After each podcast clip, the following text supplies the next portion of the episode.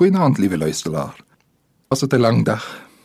Konsentreer nog een keer goed voordat jy die dag in die hande van die Here afgee. Ons kyk hierdie week na die kaleidoskoop van vergifnis.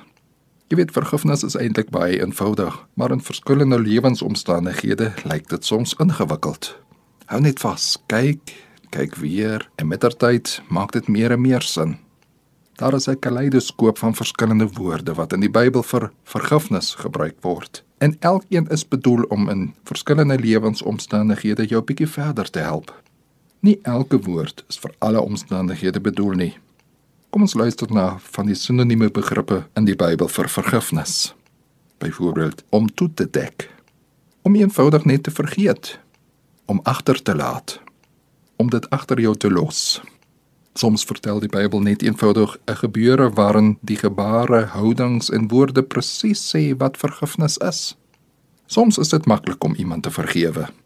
As ek byvoorbeeld in die bioskoop tussen die mense die rye af deur worstel en per ambuis skop ek iemand se voet raak en ek sê ag skus tog vergewe my dan sal die persoon waarskynlik baie maklik kan vergewe en dink ja nee ach, kom ons vergeet dit sommer ook die Here gebruik dikwels hierdie soort woorde in die Ou Testament en sê ek sal aan jou sondes nie meer dink nie. Ek vergeet dit sommer.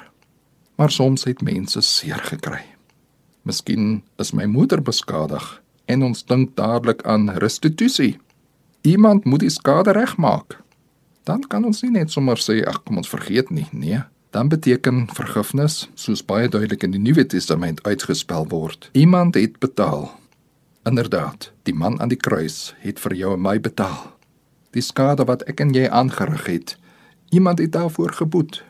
Sy lewe is opgeoffer. Restituisie is betaal. Jy is vry. Jy mag aangaan. In 2 Korintiërs 5 skryf Paulus: Nou is ons ambassadeurs vir Christus, asof God deur ons by julle pleit. Laat julle met God versoen. Kom ons bid.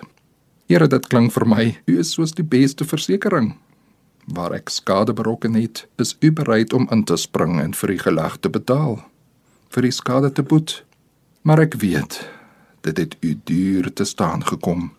Dit het die bloed van u seun Jesus gekos, maar nou is ek vrygespreek. Iemand het betaal. Dankie vir vergifnis. Dankie vir gemoedsrus. Dankie. Amen.